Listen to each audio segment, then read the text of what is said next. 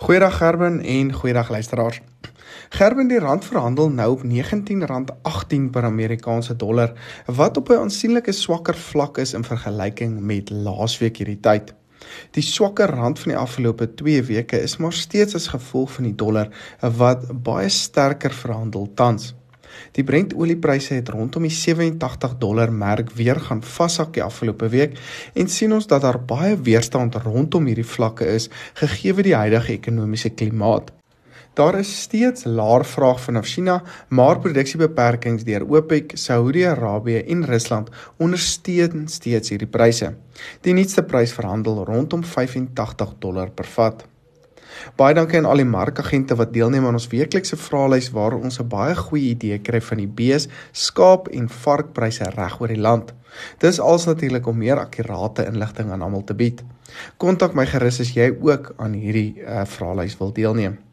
Die data van die afgelope week het getoon dat die gemiddelde speenkalfprys met ongeveer 1% gedaal het na R34.18 per kilogram.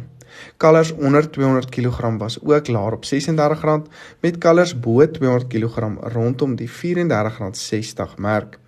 Die gemiddelde A2 karkasprys verhandel afwaarts op R52.15 terwyl die C-graadprys daal na R45.77. In vergelyking met laas jaar die tyd is die A2 prys tans 11% laer terwyl speenkalfpryse ongeveer 6% laer is jaar op jaar.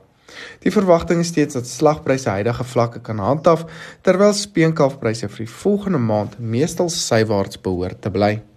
Die gemiddelde stoorlamprys daal met 2% na R42.03 per kilogram met woltipe lammers wat tussen R43 en R41 tans verhandel afhangende natuurlik van die tipe, die area as ook die gewig van die diere. Vleislamppryse daal ook na R39.77 per kilogram.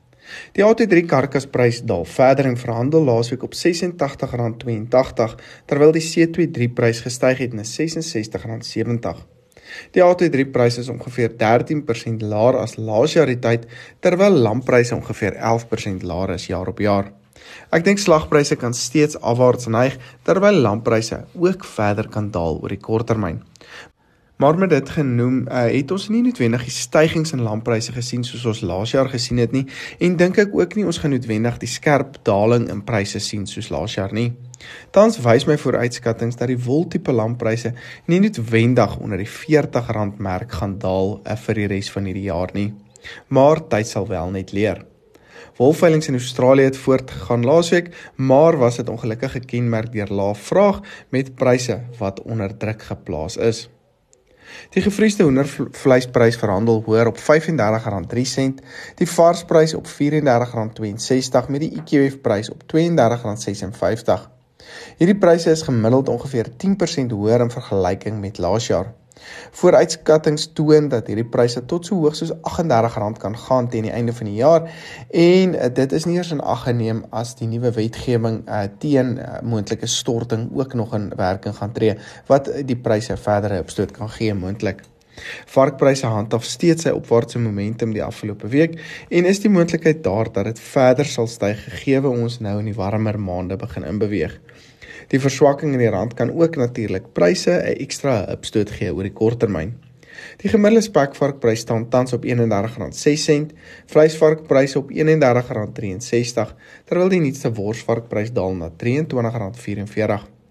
Grootbokpryse het laasweek gestyg na R47.21 per kilogram. Kleinbokke styg na R58.55 met bokooipryse op R40.80 verwag dat ons van September af moontlik weer laer pryse in hierdie markte behoort te begin sien.